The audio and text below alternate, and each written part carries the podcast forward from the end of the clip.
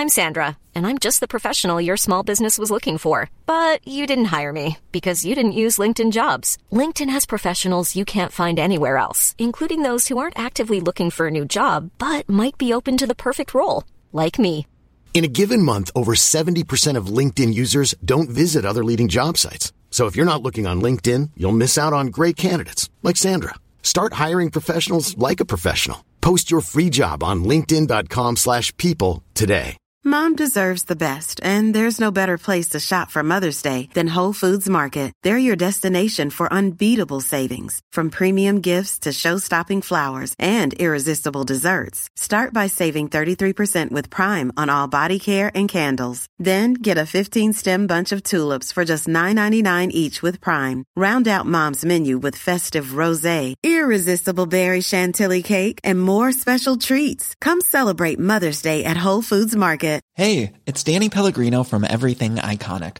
Ready to upgrade your style game without blowing your budget? Check out Quince. They've got all the good stuff shirts and polos, activewear, and fine leather goods, all at 50 to 80% less than other high end brands.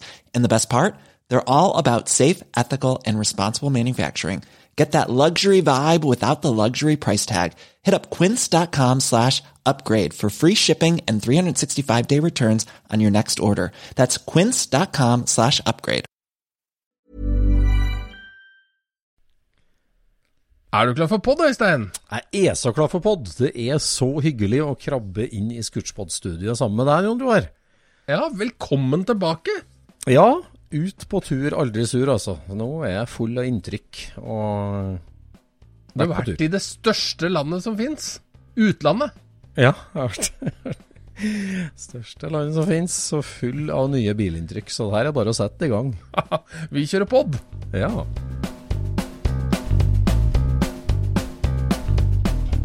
Du lytter nå til Scootspodden, en norsk podkast om klassisk bil med Jon Roar og Øystein.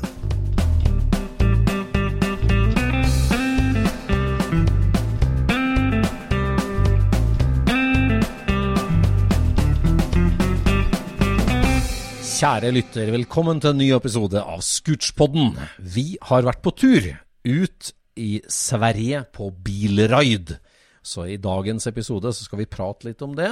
Men først så må vi jo prate litt om forrige episode òg, for Granada, det liker folk. Ja, den slo godt an. Den gjorde det. Og det her er jo en sånn bil som du har hørt om, du har sett den. Altså, vi, vi, jeg har jo liksom, Det er jo ikke helt i min gate, så jeg har ikke fest, jeg har jo sett den på Oslo Motorshow, jeg har sett den på gatebil, men aldri festa meg Jeg har aldri vært liksom hodestups oppe i motorrommet der. Men jeg gleder meg til å se den igjen nå, også etter praten. Nei, men Det er jo typisk en sånn bil som du har sett, og så har du tenkt på hvordan skjedde dette her, liksom? Hvordan Ja. kom dette her i stand? Ja, det, det er jo det som er så rart. Altså, det her var jo liksom bare noe som skjedde, liksom. Det var å legge stein på stein, bygge Ja. Ja. ja. Starta bare med Jeg vil ha jeg elsker Granada, og det må gå litt fortere. ja. Og så er det jo liksom da kunsten å aldri slutte. Ja. Sant? Slutte. Bare hva, Det fins ingen øvre grense for hva det bør gå an å ha i den bilen. Nei. Nei, det er litt sånn med skøytetidene, at det, det, går jo ned, men den skal liksom flate ut etter hvert. Men denne kurven på den grana har bare pekt én vei, altså. Ja, det er akkurat det. Nei, og, og jeg tror det er noe som appellerer til alle mennesker. For at eh, alle sammen eh, kjenner jo den følelsen at når de blir inspirert av noe, så har de jo altså sånn, Da sitter fornuften på skuldra di og så sier at det, det her burde du egentlig slutte med, ikke sant? Men så sitter den på andre skuldra og sier nei, gi gass mer nå, kom igjen, det, her- det her er gøy, dette syns vi er moro. Ja, ja det, og det er jo liksom det derre universelt um, inspirerende for alle. Liksom at det, det, det er en som har bare tatt det helt sånn beyond. Altså your Ja, wildest ja. dreams og beyond. Ja. Ja. Alle drømte om jetmotor på sykkelen, men han har liksom gjort det. Ja. ja, og alle sammen sitter jo her sånn og ønsker seg at det skal komme en genial unnskyldning som vi alle kan bruke over for oss sjøl, som, som kan forklare hvorfor vi gjør det vi gjør. Ja. Men, eh, men det var, her sånn så var det mer à la Nei, det bare blei sånn. Ja, det ble sånn. Det var, Og det er egentlig unnskyldning nok. ja, det er unnskyldning nok. Det unnskyldning nok. Det, ja, det er sånn, ja. Du kan si der at vi, vi, vi sa til henne at det var umulig, men hun gjorde det lell. For det, og det gjorde det, altså. Det, bare, det går ikke an, men han har bare gjort det. Ja, det er sant, det. ja. Nei, det var en utrolig artig historie. og Det er jo veldig artig sånn å dykke ned og virkelig bli kjent med noe. Ja. Altså sånn, øh, bare all den tenkinga, alle de timene som går inn i mange av de prosjektene vi ser rundt. Altså det, det er så Ja. artig å dykke ned i det og skjønne litt mer av det. Ja, det er jo det som er det geniale med, med podden, på en måte, er jo at eh, alle disse fantastiske bilene som du ser, har en mer fantastisk historie bak seg. Ja, det. Og det er jo det vi prøver å få dokumentert. Ja. Ja, og så er det nettopp der at eh, en journalist som skriver ned det han hører, er noe annet enn når mannen sjøl snakker og forteller om det. Ja, ja, ja, ja, er enestående. Men følte du det rykka i trimfoten eh, når du tenker tilbake på den røde MK1 stasjonsvogn Granadaen? Ja, jeg vokste opp. eh, Mine foreldre kjøpte jo splitter ny eh, knallrød Granada stasjonsvogn. Det var jo en 77-mile som de kjøpte i 78. Ja. Eh, og det gjør det vel egentlig til liksom en slags overligger av MK1-eren, gjør ikke det? For, ja, ja, ja, for den ha, hadde i hvert fall MK1 front. ja. Mm. Men akkurat på Granada så var det jo sånn at de gjorde jo aldri om rumpa på, på stasjonsvogna. De gjorde bare om fronten.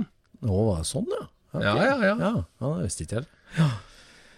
Nei, vi jeg vokste opp i Rygana og tok 3 liter V6-er, og gud bedre den når, når familien kjøpte annen bil og beholdt den der liksom som en sånn ungdomsbil for oss øh, vokste. Det, den dro mye tung henger, altså, eh, og slura mye på kløtsjen. Det var sikkert. Ja. For øh, den gamle Granadaen, den har vært med på mange henteturer, ja, med skrot. Men, men var det en sekser? Ja ja, det var 2,3 liter V6-er i den. Ja, ja, ja. ja. Så, Den siste Granadaen eh, faren min hadde, den hadde også 2,3 V6. Ja. Og den, det var grom lyd i den bilen, altså. Det husker Ja. jeg. Den, den gikk veldig pent på tomgang. ja, ja, ja. Nei, det var, det var jo en, en sliter av en bil, altså. Kjempesolid og fin. Og vi kjørte jo langtur. Jeg var jo langt inn i Sverige og henta bil når jeg ble 18-19 og var som er sørover i Norge. Og, nei, det, var, det var en fin bil. Men det her, det her er jo liksom rundt den tida som jeg virkelig begynte å bry meg om bil, når vi hadde denne der sånn. Så, så jeg husker jo fortsatt hva fargen på den Granadaen het. Stratos silver og Cumulus blå. Nei, er det sånn for noe? Nå sa jeg faktisk feil! den var stratosilver og koboltblå. Ja, Stratosilver heter Er det en universell tysk fargehode, da, egentlig? For det? Det kan hende det er, for den nedre delen var i sølv, og så var den øvre delen i blå. Så det var med sånn pinstripe-deling på midten, vet du. Ja, ja, ja. Det var veldig snobbete. Jøss. Ja, Stratosilver er jo folkevognens første metallic, eller en del av første metallicen i 54. Kanskje ja, kanskje Så- det. Det er kanskje noe Det må vi undersøke litt. Det er glassrits standardbetegnelse på lys blå metallic, da. Stratos. Sånn, Som eh, til og med forut. Ja, for at, sånn som jeg husker den, så var den jo sølv, men det var sikkert litt blå inn, egentlig. Ja. ja, det er jo en nydelig farge på folkevogna, men eh, om det er helt samme sjattering eller samme sjangeren, det er jo vært Ja, interessant. Ja, er, kan, Kanskje det er bare effektlakken som heter det? At det Kanskje. er kanskje ikke fargen Jeg vet ikke. Men, eh, men sånn var det i hvert fall. Men som hos oss, da, har dere den fortsatt? Spør han da. Nei, vi har ikke den. Nei, vår røde rød Granada, den står på låven her. Eh, like sliten clutch som da vi parkerte den. Det er kun i seinere tid vi har begynt å ta vare på bilene. ja. Nei, eh, mine foreldre selv aldri noe. Det lever de opp til både på bruksbil og hobbybil. Så det er veldig greit. ja. Ja, ja, en sunn Og dere har vært på tur. Gutta har vært på tur. Vi har vært på tur. Det var så hyggelig. Så mandagen i uka her så eh, rusta vi oss, eh, jeg og vår gode venn og podgjest Trond Ildbråten. For vi har jo samla på en par tips, da, eller tre tips i, i Sverige, som uh, har vært målet for en tur veldig lenge. Og det har vært så vanskelig å få til liksom, fridag for oss begge, og at alle tre tips, uh, tipsa kunne besøkes og lines opp. Ja. det har vært en lang dags ferd mot natt, altså. Med Spesielt den ene, da, hovedattraksjonen. Der var det et gammelt ektepar som, eh, som eier den bilen. og De var redd for korona, de var redd for vaksine, de var redd for smitte. Så jeg fikk jo nyss i den bilen et eh, par år før korona, egentlig. Men det passa aldri, passa aldri. Og så kom koronaen, og ja. Men den her mandagen, vi tok oss fri fra jobb, vi møttes kjempetidlig for morgenskaffe. Satt oss inn i Audien og cruisa over grensa. Og det var så deilig, altså. Uh, Ja. Nå regner jeg med alle ser for seg dere to sittende i bilen med sånn tropehjelm. Å ja, ok. At dere er ute på eventyr, liksom. Og kjøre en Zoo Land Rover.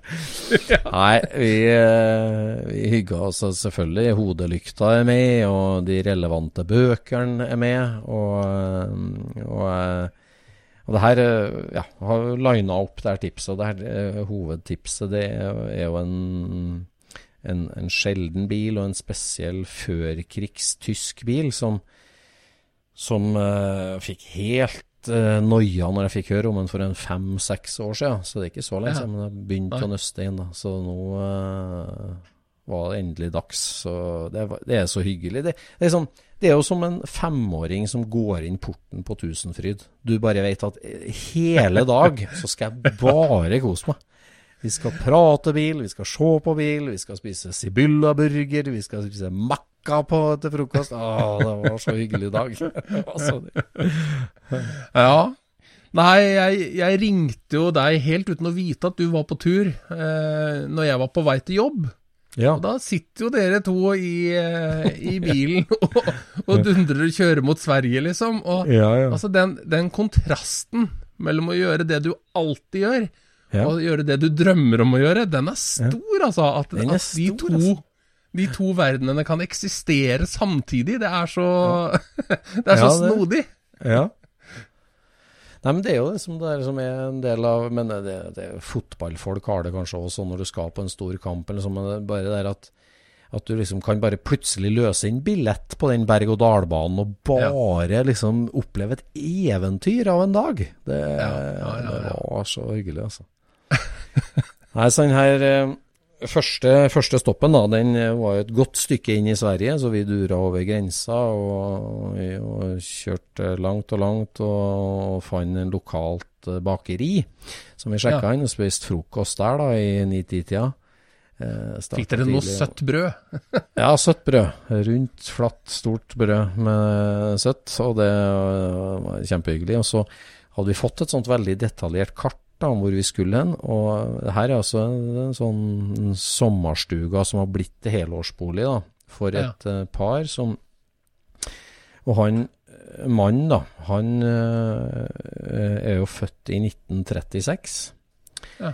Og når han var 14 år gammel, så fikk han ble han syk, ble liggende hjem. Og faren, for å liksom underholde ham, så dro han på det lokale biblioteket og lånte ei bok som akkurat hadde kommet ut, som heter 'Automobilens historie'. Ok. Og den boka lå han guttungen hjemme og, og leste og studerte og finstuderte, og det ble nesten som et, um, en hypnose for han. Altså Da ble han så oppslukt av bil og bilinteressert at Ja. uh, fra den dagen som 14-åring så ble det altså jaget etter spennende biler og bilhistorie som ble hans liv, altså. Så Oi, oi, oi. så han, eh, han starta allerede på 60-tallet å samle biler, og har hatt mange spennende biler, og hatt ei en fin lita samling. Ja. Og, og nå da, når han har, har blitt eldre, eh, så har han solgt unna en del av dem gradvis. Eh, solgt unna. Um, men så har han igjen da én bil som var liksom egentlig det kjæreste han hadde.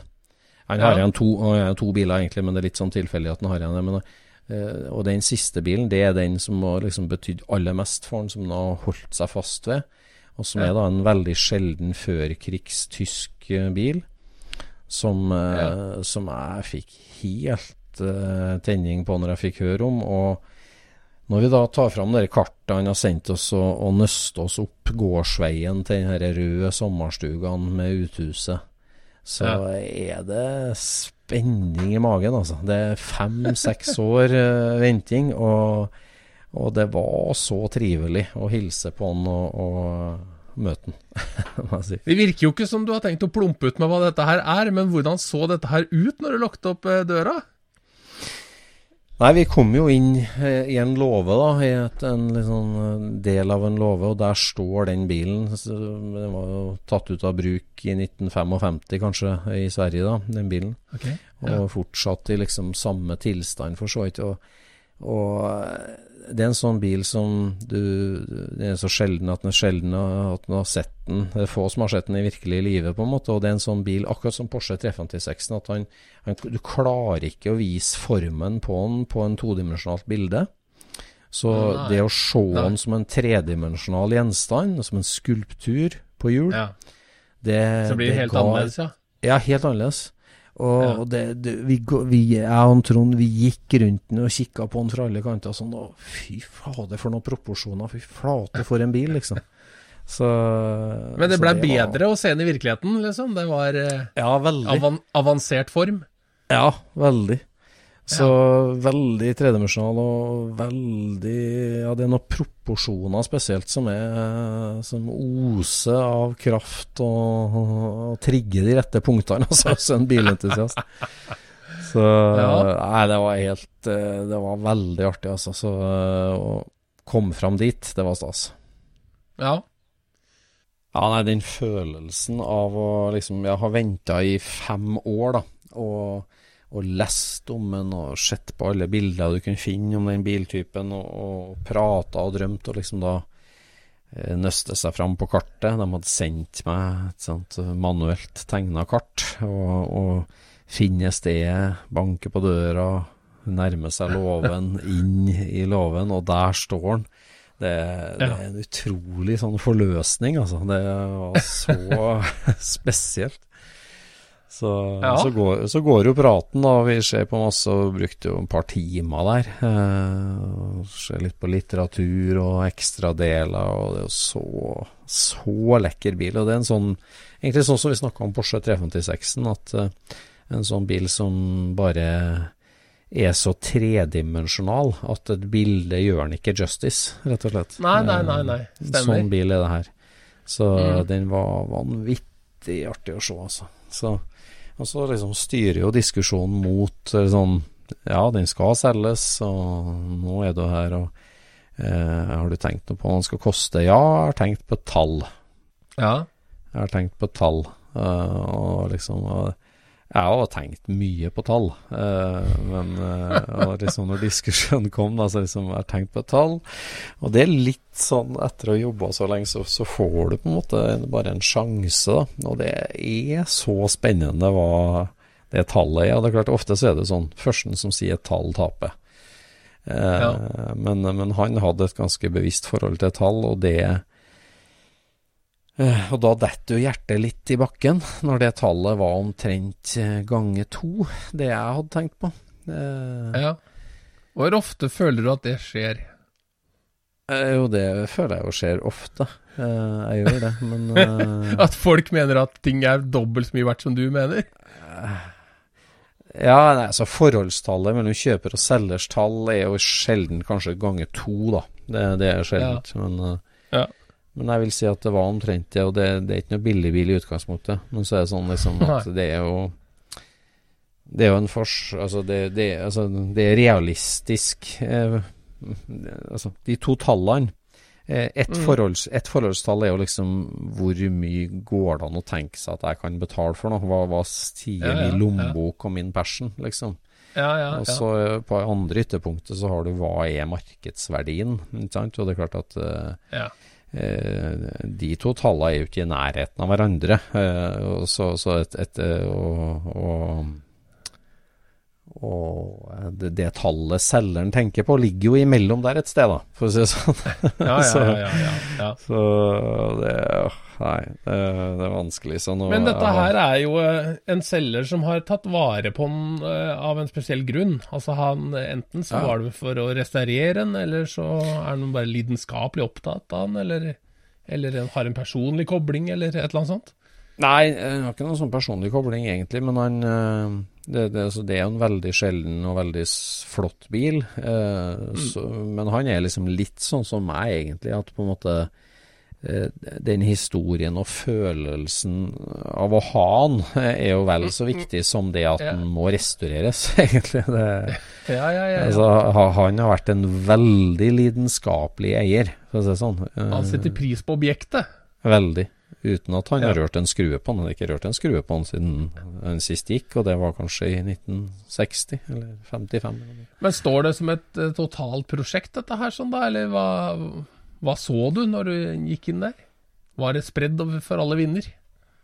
Nei, nei, altså bilen var Altså skiltene fra 1955 står fortsatt på, og den har vært, eh, vært, Oi. bare, par, bare, vært bare parkert. Men det er klart at den, har, den, den er jo født eh, før krigen, så han har jo hatt eh, mange år Ja. på veien og vært gjennom Ja. forskjellige Både det ene og andre, men han eh, er en sånn nedstøva låvebil. sånn. Så- Ja. Men sånn som den eh, lille steieren du har stående, liksom. Mm. Den er jo kul i seg sjøl som objekt. Mm. Ja. Jeg vet ikke om du drømmer noe særlig om å kjøre rundt i den? Nei, ikke i det hele tatt. Det Nei. ikke, ikke- For, men den her sånn, er den uh, i samme kategori, liksom? At den uh, står best ved sida av steieren, eller, eller ser du deg bak rattet din, liksom? Nei, den her må ut og kjøre. Det må den. Uh, det er Ja, helt ok. klart. Fordi at eh, ja. den her må ut og kjøre. Det er Det er ikke en stayer, med andre ord. Det er en mover. mover. Sorry. ja, ja. ja det, det er noe med eh, Det er noe med både lyd og, og ja, uttrykk på den her som man Ja, må, ja, må bevege seg. Altså. Det må man helt sikkert. Så- Ja. Og så Nei, ble så det Sibilla. Ja, eh, ja, først så ble det jo makka, da. Eller fin eh, Hva heter det? Semlo? Semlor? Ja, ja, ja, hvis det er sånn eh, bolle med krem i og sånt, Ja, så er det ja, semlor. Ja, ja, semlor. Ja, det ble jo morgenen da først, og så var det besøk der, og det var veldig hyggelig. Og så dro vi av gårde på et tips, og det her var liksom det, det første her, det var jo bare hyggelig. Det var jo liksom en reality check på slutten, og jeg tok betenkningstid, for å si det sånn. Ja, Eh, Så der er jeg midt oppi nå. Men, eh, men så dro vi, og det her er altså en lærepenge av dimensjoner, altså. Det skal jeg bare si. For det at okay. Fordi at for eh, seks-sju år siden, eller noe sånt, så har vi en felles eh, folkeognkar som hadde vært på et marked i Sverige. Ja. Eh, og Han var på markedet i Sverige, og der var det en kar som hadde en del folkevogndeler. Så han kjøpte en del folkevogndeler. Og så sa han at Mm. jeg har mer folkevogndeler hjemme. Og så sa han ja. ja, men kanskje kan bli med hjem, da. Og så eh, ble han med han hjem. Og han som vi kjenner, eh, han er boblemann. Han er bare interessert i boble, og det er topp. Ja. Så han ble med han gubben hjem. Han var en eldre kar da, for sju-åtte år siden. Eh, dro hjem eh, og merka seg liksom ikke sånn helt detalj hvor det var han bodde, men, men huska jo liksom hvor han hadde vært. da, Og, og kommer hjem da han gubben, som bor i et tømmerstue på et veldig idyllisk sted ved ei elv der i Midt-Sverige. Eh, og der har han litt folkekongedeler, og så har han også en, en nydelig, original uh, deluxe-buss. En eh, brun og rød, eh, ikke barndoor, en sånn 57-58-modell eh, Ja. buss. Som har gått som familiebil i Sverige, og så gikk den i kort tid som bandbuss, eh, uten at den egentlig var ødelagt for det. Ok. Så var han parkert i en veldig hyggelig, solbrent, brun garasje eh, der i Sverige. Ja. Og han, vår venn, så på han og bare Shit, det var en veldig fin buss, liksom. Det her er jo sjeldne ting og sånn. Og det var han gamlingen for så vidt fullt klar over, at det, her er en attraktiv ting. Men den der betydde veldig mye for han, for han, Han kjente dem som eide den, og han har tatt godt vare på den, og der sto den. Og det er en sånn veldig hyggelig originalbil som sto der. Ja. Og vår venn ser på den og registrerer ok, den var ikke til salgs da, men drar hjem. Og så forteller han meg om det der, og det er ja, seks-sju år siden, for å høre om det. Han fyren bor der, øh, men han har også et hus nede i Sør-Sverige. Og så har han en bror som òg er interessert i biler og sånt. Og de der to brødrene de pendler litt det, mellom de Midt-Sverige-sommerstugene og det huset de har i sørlige Sverige. Mhm. Og han som øh, vår venn, da, vår norske venn, sier at der står det en spennende sånn folkeambuss. Den må du dra og se på, Øystein. Den kommer jo helt sikkert til å bli til salgs, men uh, den står der nå. Ja. Og det der har stått på lista, på to do-lista mi, i år etter år etter år. Eh, og så kom koronaen, og så tenkte jeg liksom jeg skal ta det der eh, neste gang jeg er i Sverige. Og nå var jeg i Sverige, og nå skulle vi finne ut av det her. Men poenget var at han huska ikke hva han het, hva han eieren het i hele tatt. Det var ikke noe navn. Og så var det bare sånn omtrentlig stedgivelse. Kjør nordover til det krysset. Der ligger det et hotell. Ta til venstre langs ei elv, så et stykke oppover, attmed et gammelt sagbruk eller noe sånt.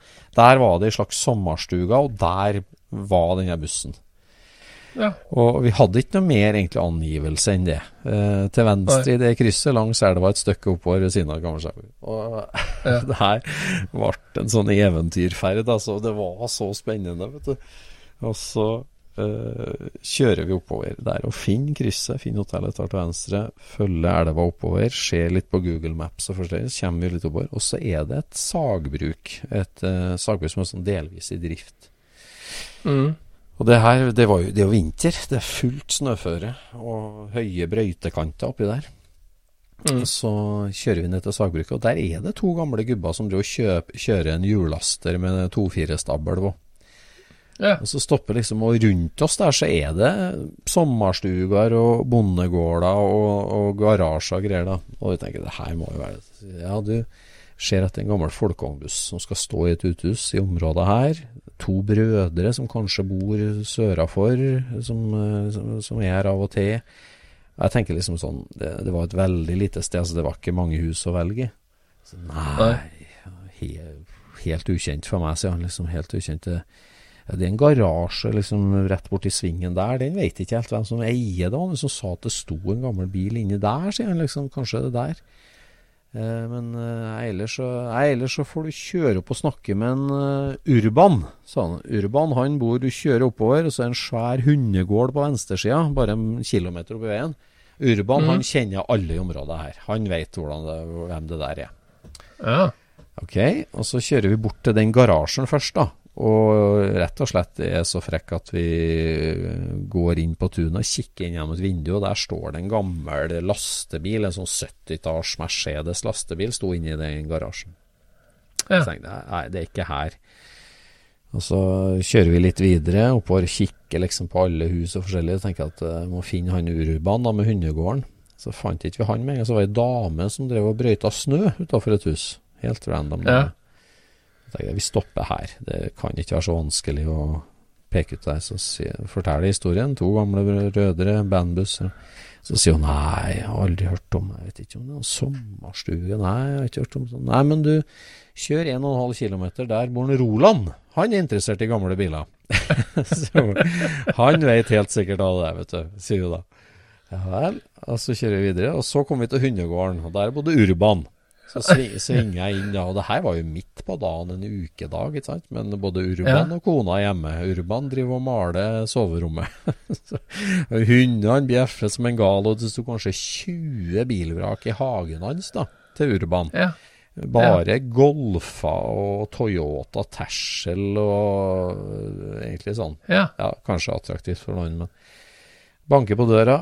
Øystein Aspel, Norge, Folkevognbuss og sånn, og Urban.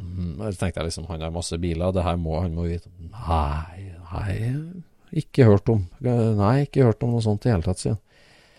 Ja, det var noe rart. Eh, Nei, kan jeg ikke si. Du kan jo kjøre opp på bilverksted. Hvis du fortsetter enda lenger, så kommer du til et lite tettsted. Der er det et bilverksted. Kan jo hende de har hørt, sier han, men det jeg vet ikke. eh, Ukjent for meg. Liksom, så rart. De på sagbruket mente at Urban visste alt i området her, og han har masse biler i hagen. Det var rart. Er vi på helt feil sted? Så kjører vi videre, og da er vi jo kommet til en skarp sving, og på venstresida der så skulle jo Roland bo, han som hun snøbrøyterdama. Ja. og så svinger vi inn der, et sånt uh, 70-tallsbolighus. Og så er det en garasje liksom ute i hagen der, der vi ser Ja. rumpa på en gammel bil. Altså en type sånn 70-talls, jeg tror kanskje det var en Datsun eller sånn fra 70-tallet, som sto med skilt bak -hmm. der. Ja. Tenkte, ok, her er Roland, han er interessert i gammel bil. Han har kanskje noen japsebiler eller noe sånt, da, så det ut som. Ja. Så stopper vi, og så er det som en slags sånn, sånn lavt hus, og så er det som en sånn vinterhage utafor det huset. Og så idet jeg Ja. går mot huset, så ser jeg at der sitter ei dame inni det vinterhagen. Det er jo vinter. Ja. Så kommer jeg opp på døra, så hei sann, Øystein Asphjell, sånn, eh, er det her Roland bor, sier jeg. Ja, Roland bor her, eh, men han er ikke hjemme nå, sier hun. Nei, nei, jeg skjønner, jeg er på jakt etter en gammel folkevognbuss som skal stå i traktene her, liksom, og lurer på det sånn. Nei, nei, men bli den og prate med min mamma. Hæ? Bli, kom inn, bare kom inn, prat med min mamma. Prat med min mamma. Hun dama var, hun som jeg møtte, hun var 60, hun som satt og røyka der. Hun, hun var 60 år, liksom. Bli med inn og snakk med meg. What? Bli med inn? Jeg er helt fremmed, liksom. Ja, men ta, bare. Nei, bare behold skoa på og bli med inn. Og så og så han Trond òg, da, kom jo bak, liksom. Så ja, skal bli med? Ja, ja, bli med inn, begge to. Snakk med min mamma. Så jeg, jeg skjønner det er så rart. Så kjem, går vi inn Kommer inn på ei lita stue inni det huset, og der sitter mammaen. Oppå veggen Oppå er det et veggen. horn. Jeg tror det. og der sitter med rullatoren ved siden av, og i sofaen så sitter ei lita sped dame som viser seg å hete Solfrid, og er født på Trysil. Så hun Ja jo så blid at vi var norsker, og hun slo om fra eh, midtsvensk til, til, til trysilsk. Og Ja. var så blid, og hun var så hyggelig. Og så så, så, så, sier jeg det, så begynner jeg liksom på historien, da. Eh, Ja. altså, det som jeg da skjønte, det var jo det at Roland han var jo bilinteressert. Han var interessert i engelske biler. Så han hadde en. Rover og en eh, Morris og noe sånt. Men. Roland han hadde så mye vann i kroppen at han var sendt på sykehuset for to dager siden. Og Roland han var kjæreste med Solfrid, eh, som da sikkert var 90, kanskje da. Som ja. bodde der. Og Solfrid hadde ei datter fra før, og hun var og besøkte mora si. Så det var hun som satt ute og Ja. røyka i vinterhagen. da. Ja, ja, ja. Så nei, Roland var bilinteressert. Og, han Solfrid, så begynner jeg liksom Ja, vi har fått et tips om en folkevogn. Nei, ja, Gunnar Svensson! Gunnars! Ja, den liksom, så- Da tok det tvert, vet du. Gunnar Svensson. Ja, ja, hans bror Gøran, han bor nede i Skåne. Så jeg, og de var her, og ja, folkevognsbussen. Men Gunnar er død.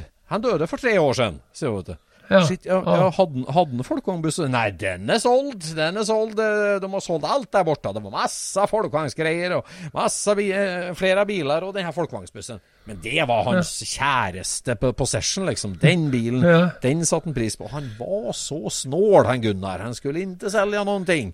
Og, sånn og jeg bare, så, så det at hun tok det tvert av hvem det var, og alt det der, men liksom Nei, den var solgt. Det var rydda.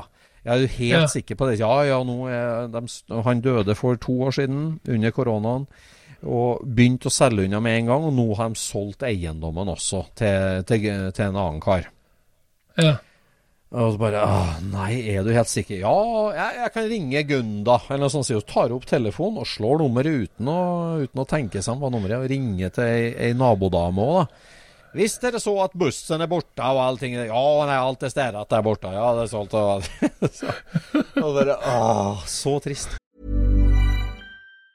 Even on a budget, quality is non-negotiable. That's why Quince is the place to score high-end essentials at 50 to 80% less than similar brands. Get your hands on buttery soft cashmere sweaters from just 60 bucks, Italian leather jackets, and so much more. And the best part about Quince, they exclusively partner with factories committed to safe, ethical, and responsible manufacturing. Elevate your style without the elevated price tag with Quince. Go to quince.com slash upgrade for free shipping and 365-day returns. Mom deserves the best, and there's no better place to shop for Mother's Day than Whole Foods Market. They're your destination for unbeatable savings, from premium gifts to show-stopping flowers and irresistible desserts. Start by saving 33% with Prime on all body care and candles. Then get a 15-stem bunch of tulips for just $9.99 each with Prime. Round out Mom's menu with festive rosé, irresistible berry chantilly cake, and more special treats. Come celebrate Mother's Day at Whole Foods Market.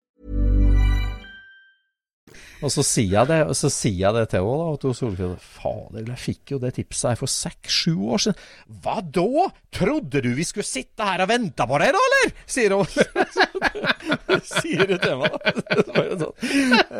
Nei, det var dumt, da. Men jeg sier ja, nei, da må du smi mens jernet er varmt. Liksom, får du et sånt tips, så må du bare regne det. Det, er jo, det er jo sånn alle eventyr skal slutte, med en sånn moralpreken. Ja, men også står jeg der og bare Det slår meg at hva, hva jeg driver med? Synde mot uh, tipsregel nummer én! Og det er å agere tvert. Ja. agere Nei, det, det var så liksom, Når det der bare ramler innover meg, liksom at her har verden stått stille. Her har de sittet da en gjeng pensjonister i hver sitt lille hus og visste om hverandre. Og den runden her kunne jeg jo lett tatt når som helst. Ja. Eh, og, og hvorfor utsette jeg? Hvorfor Åh, jeg var så ergerlig. Så sier jeg liksom eh, altså, jeg, 'Vil ni ha kaffe?' sier hun. 'Vil ni ha kaffe?' Bare bli sittende, liksom. Vi, vi, dere får kaffe. Nei, nei, nei, nå må vi bort og se om det virkelig er sånn. I hvert fall se stedet, sier jeg. Ja, ja, Ja. nei, det gikk an. Så tegna hun et kart til og sier 'kjør sånn og sånn', og det var bare 700 meter unna hun da. Ja. Og det kjørte bort der, og der var det jo da enda et gammelt sagebruk som var delvis i drift. så det, det, stemte 100 Det var rett ved siden av det sagbruket. Og Ja. vi nøste oss gjennom en nybrøyta vei, høye brøytekanter, kommer fram til et sted lå veldig idyllisk til ute på en sånn odde ut mot elva der. Og Ja. der er det da et lite tømmerhus som du kunne se for deg Gunnar Svensson bodde i. Eh, og så har han et lite verkstedbygg, som også er et solbrent brunt, brunt bygg. Og så er det en garasje med i bare plank, sånn tjærebredd brun uh, solbleika garasje med tre porter i. Og Der den ene porten Ja. står på vidt gap. Eh, så vi, og det var ingen der, for det var, det var solgt en lokal kar som drev og pussa opp det. Så det sto en sagbenk der, og de hadde drev og brent noe søppel der, og drev og rydda og ordna. ja. Og så kikka vi inn den åpne porten. Den sto på Vitka. Vi gikk ikke inn, men vi sto bare på tunet og kikka inn. Og der inne der så står det en folkevognmotor, og det står tre-fire bussfelger. Eh, og, og ei takrind til ei boble og noe greier, men ingen bil og ingen buss. da. Og i kjelleren til Urban så står en folkevognbuss. Nei, det, og så si, men det, det sa jo Solfrid. Sier det ja, Dere er ikke de første som har stoppet her. altså Roland han har vært på, vært, vært på veteranbilstreffer med Morris og med Vauxhall og de bilene sine og sånn. og Det er flere som har visst om denne bussen, og mange som har spurt. Vi har til og med hatt tyskere her som har stoppa hos oss her i svengen og spurt om den der folkevognbussen, sa hun. Så Ah. Og så kom vi fram dit, da, og det var jo så trist. Og jeg tok noen bilder av den tomme garasjen. Og, og, så, og så fikk vi navnet på han som hadde kjøpt det. Så jeg ringte han da, og spurte liksom hva er det som skjedde med den bussen. Og så sier han at eh, Nei, det var jo mange som var interessert, og de bro, broren hans, da, som, eh, som var litt bilinteressert og forskjellig, han kontakta litt forskjellige folk, og den bussen var på vei til Tyskland for en helvetes mange penger, sa han. Men Ja. uh, det, var, det var en kille fra Nortelje som kom her med enda mer penger, og fikk kjøpt den til slutt. Så den har åkt til Nortelje, sa han. Aha. Så nå tenkte jeg at jeg skulle gå ut på Bokservill med en slags etterlysning. Hvem i Nortelje var det som var og henta seg buss uh, Ja. der? For man blir jo nysgjerrig liksom på hva, hvordan så han egentlig ut. Var han så bra Ja. som det glansbildet han huska? Men alt han sa stemte, av i hvert fall plass og sted. Ja. da. Ja. Uh, og vet du, det erger meg. For det er jo Altså, hva har vi lært på 40 år med jakting på bil? Og det der med å agere tvert og fort og være der, det er så viktig. ja, det er jo det, vet du. Og Ja, det, er så lett, det er så lett å synde på, fordi at man har så dårlig tid, egentlig. Ja, du har det. Og så med korona nå, så forsvinner det to år som er veldig mye i et gammelt menneskes liv, mens eh, for oss så virker det bare som de to åra forsvant. Ja, det gjør det. Ja, så er det jo liksom det der med timing. Da. Så Tenk deg da hvis han har hatt eh, 300 mann som har vært der og banka på døra de siste 20 åra og ville ha kjøpt den bussen, og svaret er nei, nei, nei, nei, nei, og så dør han, og så skal alt selges, og det skal bort. Ja, Da, Ja. da skal du være der akkurat da. Eh, ja du skal det. Men, Ja. eh, men det er klart, det må avklare. Det er jo akkurat som Solfrid sier. Hva, hva tror du da, hvis du får et sånt tips? Tror du vi skal bare sitte her og vente på det, da? Nei, verden går jo videre. Det, jo, så, altså, det, var, det var liksom et godt bilde, da, syns jeg, på det. For egentlig hun mente. Nei, vet du, det er stanga hodet i dashbordet. Altså, det var så ergerlig. Men, men samtidig så var det jo liksom veldig godt det å kunne i hvert fall stryke det der på lista. Altså Det har stått på den oppfølgingslista mi i mange år. At liksom, OK, Ja, ja. jeg, det er utreda til bunns, ferdig, jeg veit. I hvert fall. ja, ja. Så Nei, ja. Det var fælt. Men eh, Ja. Nei, så eh, etter det så eh, satte vi snuten hjemover igjen, og da endte vi opp da innom Karlstad og besøkte Lasse Jønssons eh, Classic Porsche Center. ja. Så eh, det var jo en veldig Han har jo litt Porscher. Lasse Jønsson har en Porsche. Han driver jo Han, han starta jo bilbutikk i 69, og så starta han jo da Porsche-forhandler i 1977. Og, eh, Ja. og, ja, og har jo en veldig interesse for motorsport og Porsche, og har levd godt av det. Og har jo det eh, fantastiske Classic-senteret sitt da, rett i vegg i vegg med Ferjestads hockeyarena. Men, men kommer, kommer interessen hans fra at han har kjørt motorsport sjøl? Er det sånn? Eller er det bare en interesse? Han har kjørt masse motorsport. Ja. Han har kjørt masse racing sjøl. Det har han gjort. Og, Ja. og han har drevet Porsche-forhandler, og nå driver han mest det dette classic, eh, klassiske biler AB, heter kanskje firmaet, som han eh, gjør Porsche-service på klassiske Porscher. Og Ja. har ei utrolig samling bil da, som han roterer og har stående fram, og har en sånn 20 biler utstilt til enhver tid fra sin egen samling. Ja. Så det er jo helt Og det er jo litt av en samling, er det ikke det? Det er jo bare Det står rimelig sjuke ting der. Helt sjuke ting. Eh, når vi var, så sto jo den eh, 904-en, da. Det var en slags kronjuvel, en, den, eh, en ekte 904.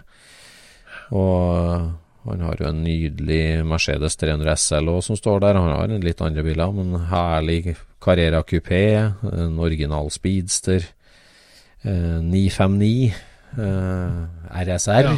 74 mal RSR, original. Ja, ja, ja. ja.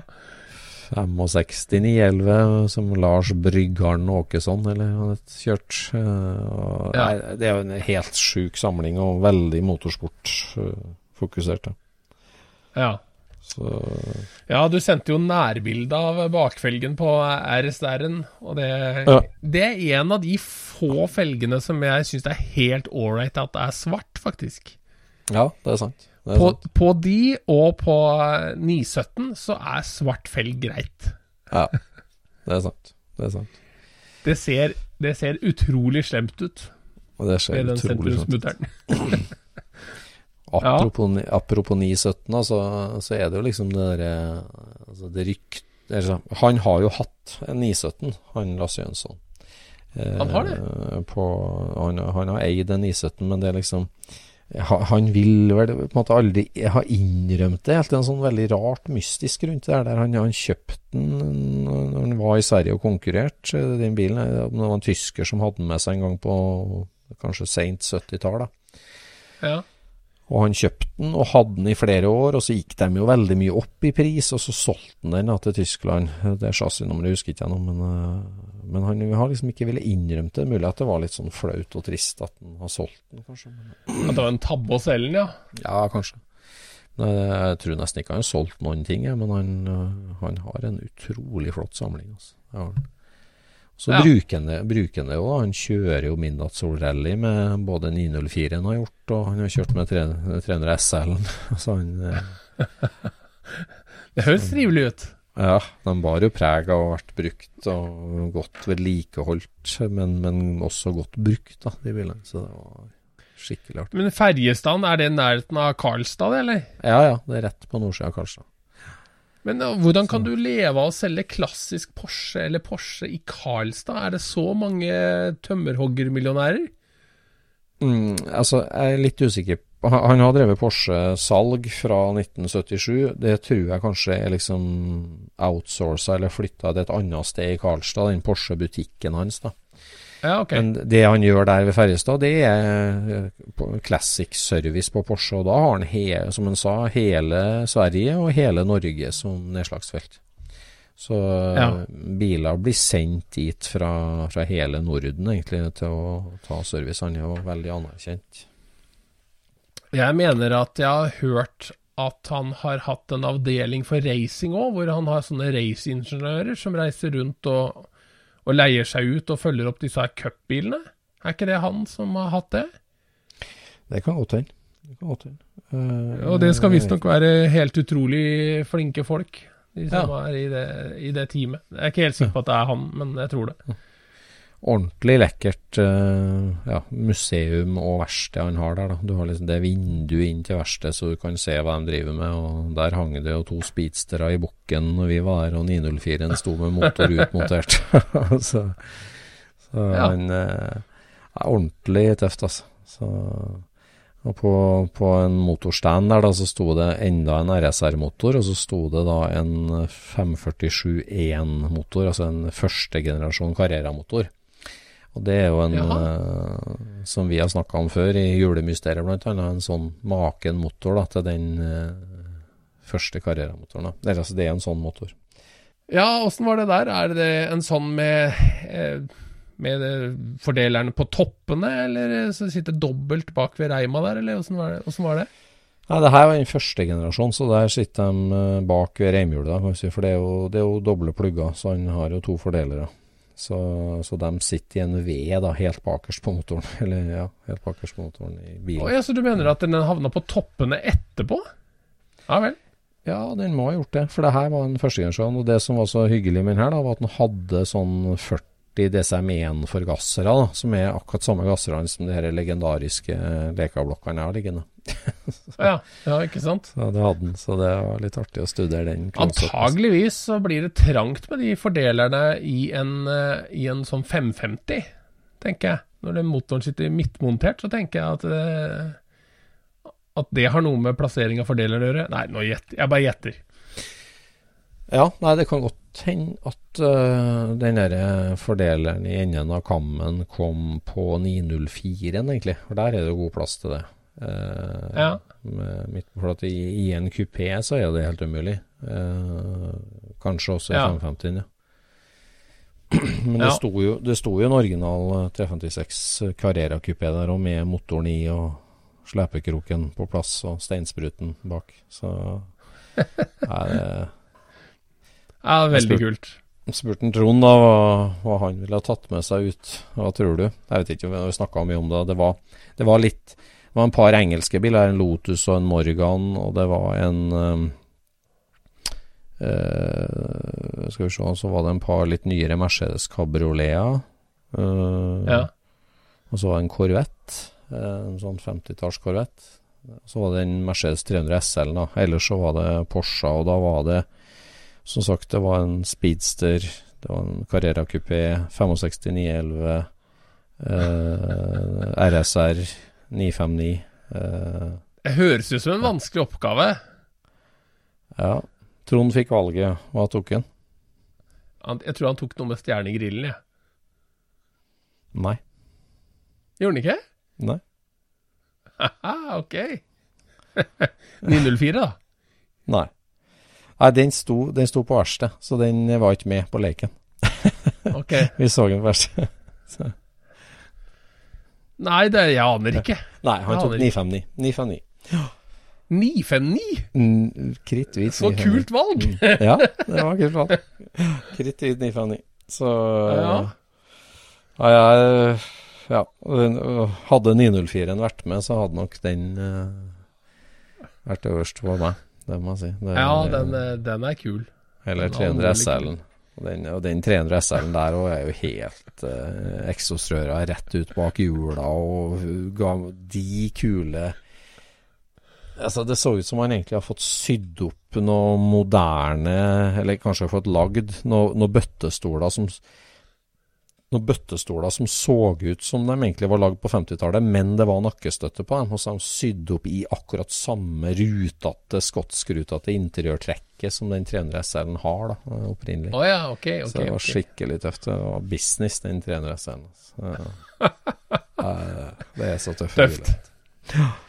Sverige, altså. Sverige, vet du. Så da ble det kveldens siste burger, og så satt vi snuten hjemover igjen. Og det ble faktisk litt svenskehandel, for jeg fikk handleliste fra familien, så jeg måtte handle litt. ja, ja, ja, ja. Det var kjempedag, vet du. Og det, ja, det er jo som vi sa, at det der å ta sette sies i kalenderen og bare ta en sånn tur, det er jo så Det koster så lite og gir så utrolig mye, da. det ja. Ja, nei, det er Man skulle gjort mer sånt. Mer tid til sånt. Ja, det, hadde vært, eh, det, hadde vært, gromt. Ja. Altså, jeg har brukt uh, hele uka siden da til å gå igjennom liksom Hvilke andre tips er det jeg somla for mye på? Hvor er det jeg har for lite trykk? Så nå har jeg oppdatert Excel-arket med fargekoder på, på tidslinja på de forskjellige. nå uh, Åh, det der var så ergerlig, vet du. Tok det opp noe når du var på tur, da? Jeg hadde jo tenkt det, vet du. At jeg skulle ta opp litt uh, på tur. Men uh, det er en jobb, vet du, det òg. Du skal liksom smelle ja, med døra. Og så det ble liksom, jeg ble så konsentrert å være i nuet at jeg kunne ikke konsentrere meg om det. så skulle jeg selvfølgelig gjerne gjort Jeg skulle hatt med mikrofonen inn til hun Solfrid. Det var, det, det, det var så artig samtale med henne, for hun var så frampå. Ja. ja. Så det var veldig artig. Og, det er så bra. Så, ja. Nei da, fin tur. Så det må ja. bli mer sånt. Men uh, vi gleder oss jo til tur i sommer òg, vi. Super Scenic er satt og lagt ut. Ja, ligger på scevent.com. Ja. Der ligger uh, ruta, så der er det bare å begynne å booke seg uh, hoteller og hytter og camping på de eh, plassene vi skal. Skal til Sognefjorden. Skal til Sognefjorden, ja. Akkurat ja. i år. Ja. Hvor er, ja. hvor er overnattingssted hen? Første overnatting? Nei, vi begynner jo da fra eh, Tyenkrysset oppå fjellet. Ja, det er vi kjent med. Og, ja, og så skal vi da til Sogndal. Det er der vi skal ha første overnattinga. Og på vei dit så kjører vi da over et sånt ordentlig fjellpass. Og, og så, vi til, til Sogndal? Mm. Sogndal? Ja. ja. Mm. Og der har vi vært før. Ja, der har vi vært før. Men vi, ja. det, er, det, er, noen plasser vi ikke kommer helt rundt, skjønner du, når vi kjører ja, ja. på Vestlandet. ja, ja, det er jo det. Men det som er gøy, vet er at når jeg satt og kikka på kartet da, for å finne ut hvor, eh, hvor uh, turguide uh, Viljar Våge hadde lagt opp ruta, så, så sto det at vi skulle kjøre fra uh, Øvre Årdal til Fortun. Ja. Og der kunne ikke jeg se at det gikk noe vei. Nei. så tenkte jeg, Det var rart. Og så, og så, begynte jeg å zoome inn, og det var jo den krøtterstia som gikk over det der fjellpasset, vet du. Oi. Ja, Som i grus, eller? Så det kommer til å bli Nei da, det var asfalt. Det var bare at ja. den veien var eh, så liten at den syntes ikke på det nivået jeg var, da. Nei, nei, nei. Så det tror jeg kommer til å bli helt konge. Det tror jeg blir helt konge. Kult. Og så skal vi jo overnatte da i Sogndal, og så skal vi da kjøre videre til eh, Vik. I Sogn. Det ja. er hyggelig. Der har vi jo trofaste, eh, ja. hyggelige entusiaster som tar imot oss. Ja, det har vi, vet du. Så da blir det litt camping og, og sånt noe der. Og så kjører vi tilbake igjen da på, på søndag. Ja. Det skal bli moro. Det blir moro. Det, ja, her er det flere i huset som gleder seg veldig. Vi snakka senest om det i dag ved middagsbordet. At, uh, ok. ja, det fremtonte seg som en veldig barnevennlig tur, det er der. Veldig hyggelig. Ja. Til tross for at det er jo ikke så fryktelig barnevennlig. Altså det, det er jo det. Det er jo bare å være på tur, og så er det noen, noen stopp her og der, og kikke på litt ting og sånt. Ja, Det er jo liksom, vi stopper jo ikke akkurat på noe lekeland.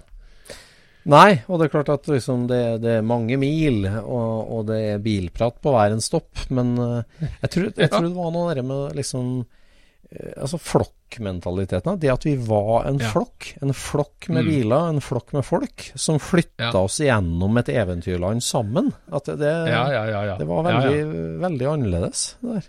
Det er genialt, dette. Det er det. Så, så Nei, det var veldig artig. Så det, det er jo første helga i juni, ikke sant? Ja. Ja, det er det. Nei, det gleder vi oss til, altså. Virkelig. Så, Så da er det bare å gå inn på sccevent.com og Ja. kikke på og, og booke jo eh, overnattinger og alt sammen. Og turen er jo, turen er jo gratis. Det er jo bare uh, Ja, hva skal vi si. Det er jo en løselig sammensatt tur, og, men vi prøver jo å holde oss litt samla og sånt, da. Så Det er jo et, det er en, Du føler at du er med på et opplegg. Det er jo et biltreff uh, på hjul. Uh, der eh, deltakere kommer og går ettersom hvor du bor hen, og hvor lang tur du vil være med på. Mm, Så, ja. så Nei, det blir veldig hyggelig. Det gleder vi oss til. Skikkelig. Det er så mye som skjer i sommer, altså. Det har skjedd på helgene. Og nå så jeg NVK, Norsk Veteranklubb sitt motorsportsprogram, kom ut òg, med bakkeløp i Vassumbakken. Og eh, Varnabanen, da. Gokartbanen i Moss, Ja. der de skal kjøre. Ja, ja, Det er veldig artig. Ja. Så ja. mm. Nei, det blir mer action i sommer, det gjør det. Men Øystein, vi snakker jo ofte om eh, formatet på biler. Altså vi, eh, og, og Trond, som vi hadde med i poden også, sa jo det at han likte best små biler. Mm. Og det er jo noe med det at, eh, at når bilen blir eh, formfullendt og liten, Mm. så blir den enda litt mer attraktiv, syns jeg. Mm.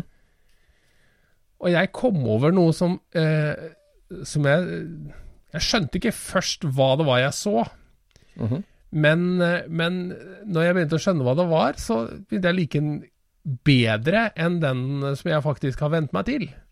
Mhm. Fordi når jeg kjøpte mitt første bilsportblad i 1989, Mm. så var det det første bilsportbladet som presenterte Viper. Mm. 89 kom Dodge den. Viperen. Hæ? Ja, den ble vist i, i Detroit, tror jeg, i, eh, januar i Ja. 89. Ja. Mm. Mm. Og, så, og dette bladet her, det er fra oktober eller noe sånt nå. Eh, og da viser de, viser de bilen, ikke sant? Og sammen med noen bilder fra en AC Cobra. Mm. Altså, for at de, de mener at de ser noen paralleller til AC Cobraen, da. Mm. Men den er jo så stor, Viperen. RT10 er jo en ganske stor bil. Men jeg, jeg syns jo den var veldig kul, og den gangen så hadde den jo utenpåliggende eksosrør og Altså, den, eh, altså den hadde jo sidepipes, ikke sant? Ja, ja. Og så hadde den denne her frontruta hvor ytterste delen av frontruta blei til speil. Det var jo litt underlig. Husker, husker du det der? At det der svarte speil innebygd i frontruta, på en måte? Nei, det husker Ja, jeg i hvert fall, i hvert fall så har den det, da, på, på Mm. prototypen. Ja. Men så fant jeg et bilde av noe som heter en Dodge Viper Pacifica Prototype. Jaha. Og den ser egentlig helt lik ut, helt at du oppfatter at den er mindre. Ja. Den er, altså den føles som den er 10% mindre enn Viperen. Men den ser Jeg, jeg, jeg trodde den bilen ble hetende Crossfire, da, den lillebroren til Viperen, liksom. Nei, den, den her er som snytt ut av nesa på en Viper, altså. Den her ser akkurat ut som Viperen. Ja. Det eneste den på en måte mangler, er den derre lissomveltebøylen bak førerplassen. Ja.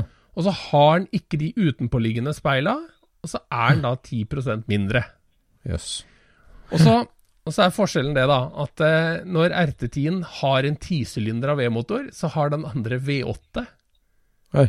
Ja. Og så har de lakka den likt, de har samme felger, alt er likt. Det er bare at det er en mindre bil, og den valgte de aldri å lage, da. Men hadde de, hadde de laga den bilen, så tror jeg Viper hadde vært sett på på en litt annen måte enn det den er nå. Ja. Jeg, jeg syns jo Viper er kul, altså, men jeg syns den var enda litt kulere enn den var mindre. Det som Viperen har sånn til, til denne måneden, som jeg egentlig har tenkt på sånn et helt universelt trekk for å øh, utøse muskel, det er langt panser. Langt panser, ja. ja. Det var status på 20-tallet, på 30-tallet. Og, og Ja. det er fortsatt uh, status. Altså frontruta, Ja. nærme bakhjula, tilkjennegir lang, svær, stor, sterk motor. Det er Det er sant, det er sant. Size does matter. Men, men ja, noen ganger når noen åpner de lange, kule pansera, og du ser at torpedoen går en halv meter inn i, i motorrommet, mm, mm, da ja. blir jeg litt skuffa. For jeg vil at den torpedoen skal være ganske bratt der inne. ja, ja. Det skal ikke bare være plass til en sur firer framme der. Nei, nei, nei. Nei, Viperen gjør det til det fulle, altså. Det gjør den eh, helt sikkert. Ja, ja, ja. Så, Nei, den er artig, den der første, eh, første generasjonen med, med Viper der. Den er liksom veldig tidstypisk for sin tid, ja. og, og utippa. Liksom, eh, hvorfor lagde de den, liksom? ja. Liksom andre sportsbiler fra den tida er jo mye mer polerte greier. Så den er jo mye mer rå. Det er liksom Dashbordet ser jo ut som det er en eh, 2.8 som de haver unna kantene på, liksom. Ja. ja. Det, det var jo en generasjon der, der liksom med, med Prowleren og PT-cruiseren Ja. og dem, de var Ja. eh, ganske bajas, Chrysler-konsernet på den tida der, altså. Ja, det var det, altså. Ja. Når du sier apropos det, når vi er i Sverige nå, så ute og kjørt, så liksom Oi, en PT-cruiser! Det har ikke jeg sett på lenge. Og så kjørte vi liksom litt på senere på kvelden, så Oi, enda en PT-cruiser! To på en dag! Det var lenge siden jeg har sett, altså. Nei, jeg husker så godt når, når vi drev og lagde biler til Midtown Madness, det derre dataspillet. Så Ja. ja. laga jeg Folkevogn Boble, og så, også på et amerikansk forum da, så var det en unggutt, han var sikkert ikke sånn mer enn 10-12 år, så Ja. så han den bobla, og så sa han It looks like a oldie PT Cruiser. Bobla ser ut som en gammel PT Cruiser. Ja. det er referansegrunnlag, vet du. ja, da begynner det å bli litt sånn Oi, se på den gamle 30-tallsbilen, den ligner på en PT Cruiser. Det er litt artig. Ja, ja, ja. Ja, vi har jo Vi nærmer oss uh, slutten på dagens episode. Vi har sluppet en episode som ligger bare for patrons. Det, Ja, vi har det det er jo litt artig. Mm. Ja. Den er jo Hva skal vi si? Den er litt sånn behind the scenes. Ja, det er jo sånn at eh, dem som har valgt å bidra litt ekstra til Scootspoden, eh, det syns vi er veldig hyggelig. Og en, eh, en ting å gi tilbake der er en egen episode. Som, og Ja. det kommer flere sånne Patron-episoder fremover. Det gjør jo det. Det gjør det. Vi får jo bare håpe at, ehm, at vi kan For det, det, når vi driver og spiller inn, ikke sant, så har vi jo veldig lyst til å dele med det så mange som mulig. Mm. Men, men det er viktig å sette pris på de som faktisk gir noen av de, sine surt opptegnede øre til oss. Så, Absolutt, så vi må lage jo- noe som ikke kan deles med alle òg. Må jo det. Så Mm. det Ja, sånn er det. Og det er som seg hør og bør, tenker jeg. Og det, men uh, Scootspoden er for alltid gratis og åpen for alle, og det syns vi er hyggelig at du velger å høre på Scootspoden. Ja. Uansett. Men siden sist gang vi prata om dette her sånn, så har vi fått flere patrions. Ja, det har vi. Det er bra. Ja. Og det er Roar André Asak Brenne. Ja, Porsche-mannen fra Sørumsand. Mm. Ja. Og Christian Wold. Mm. Og det er Sigmund Øvreng, Stein Tranvik og. Vegard Fosseid. Ja. Hyggelige karer alle sammen. Så tusen Ja. takk for alle bidrag vi får, spesielt av både Tranvik og Vegard Fosseid. Innspill til podden, det syns vi er hyggelig. Ja. Vegard er jo gammel gjest, så han, ja. Han er positiv. Det er hyggelig. Nei, en stor takk til alle som uh, velger Scootspodden som sitt, uh, sin podkast. Det setter vi pris på. Ja, det setter vi stor pris på. Så dere planene våre om et eget Scootspod-treff, det er det jo flere som har tatt opp, så det må vi, det må vi begynne å formalisere litt nå. Apropos at treffsesongen ja, allerede Og så har jeg jo sendt en beskjed til alle patrons om at de må sende inn adressen sin, sånn at jeg kan få sendt dem Scooch-klistremerker. Ja. Herved er oppfordringa sendt. Og vi sier tusen takk for i dag, og takk for at du hører Takk for nå. Ha det bra. Ha det bra. Scootspodden produseres av SSE Media, med god hjelp av VV Norge og Trond Dahl for hosting, Knut Micaelsen for musikk. Abonner på Scootspod via podcaster eller Acast, og følg Scootspod på Instagram og se det vi snakker om. Der kan du også komme med kommentarer og innspill, og fortelle oss hva du vil høre om.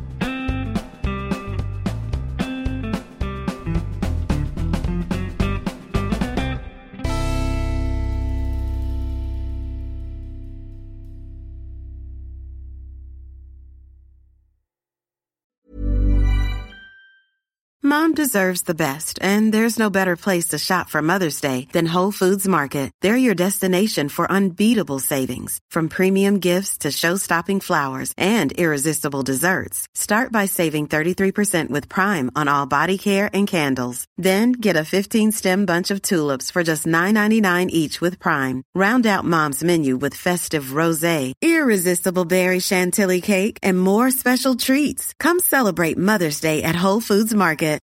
Mom deserves the best, and there's no better place to shop for Mother's Day than Whole Foods Market. They're your destination for unbeatable savings, from premium gifts to show-stopping flowers and irresistible desserts. Start by saving 33% with Prime on all body care and candles. Then get a 15-stem bunch of tulips for just $9.99 each with Prime. Round out Mom's menu with festive rosé, irresistible berry chantilly cake, and more special treats. Come celebrate Mother's Day at Whole Foods Market. Hey, it's Paige DeSorbo from Giggly Squad. High quality fashion without the price tag. Say hello to Quince. I'm snagging high-end essentials like cozy cashmere sweaters, sleek leather jackets, fine jewelry, and so much more. With Quince being 50 to 80% less than similar brands. And they partner with factories that prioritize safe, ethical, and responsible manufacturing. I love that. Luxury quality within reach. Go to quince.com slash style to get free shipping and 365 day returns on your next order. Quince.com slash style.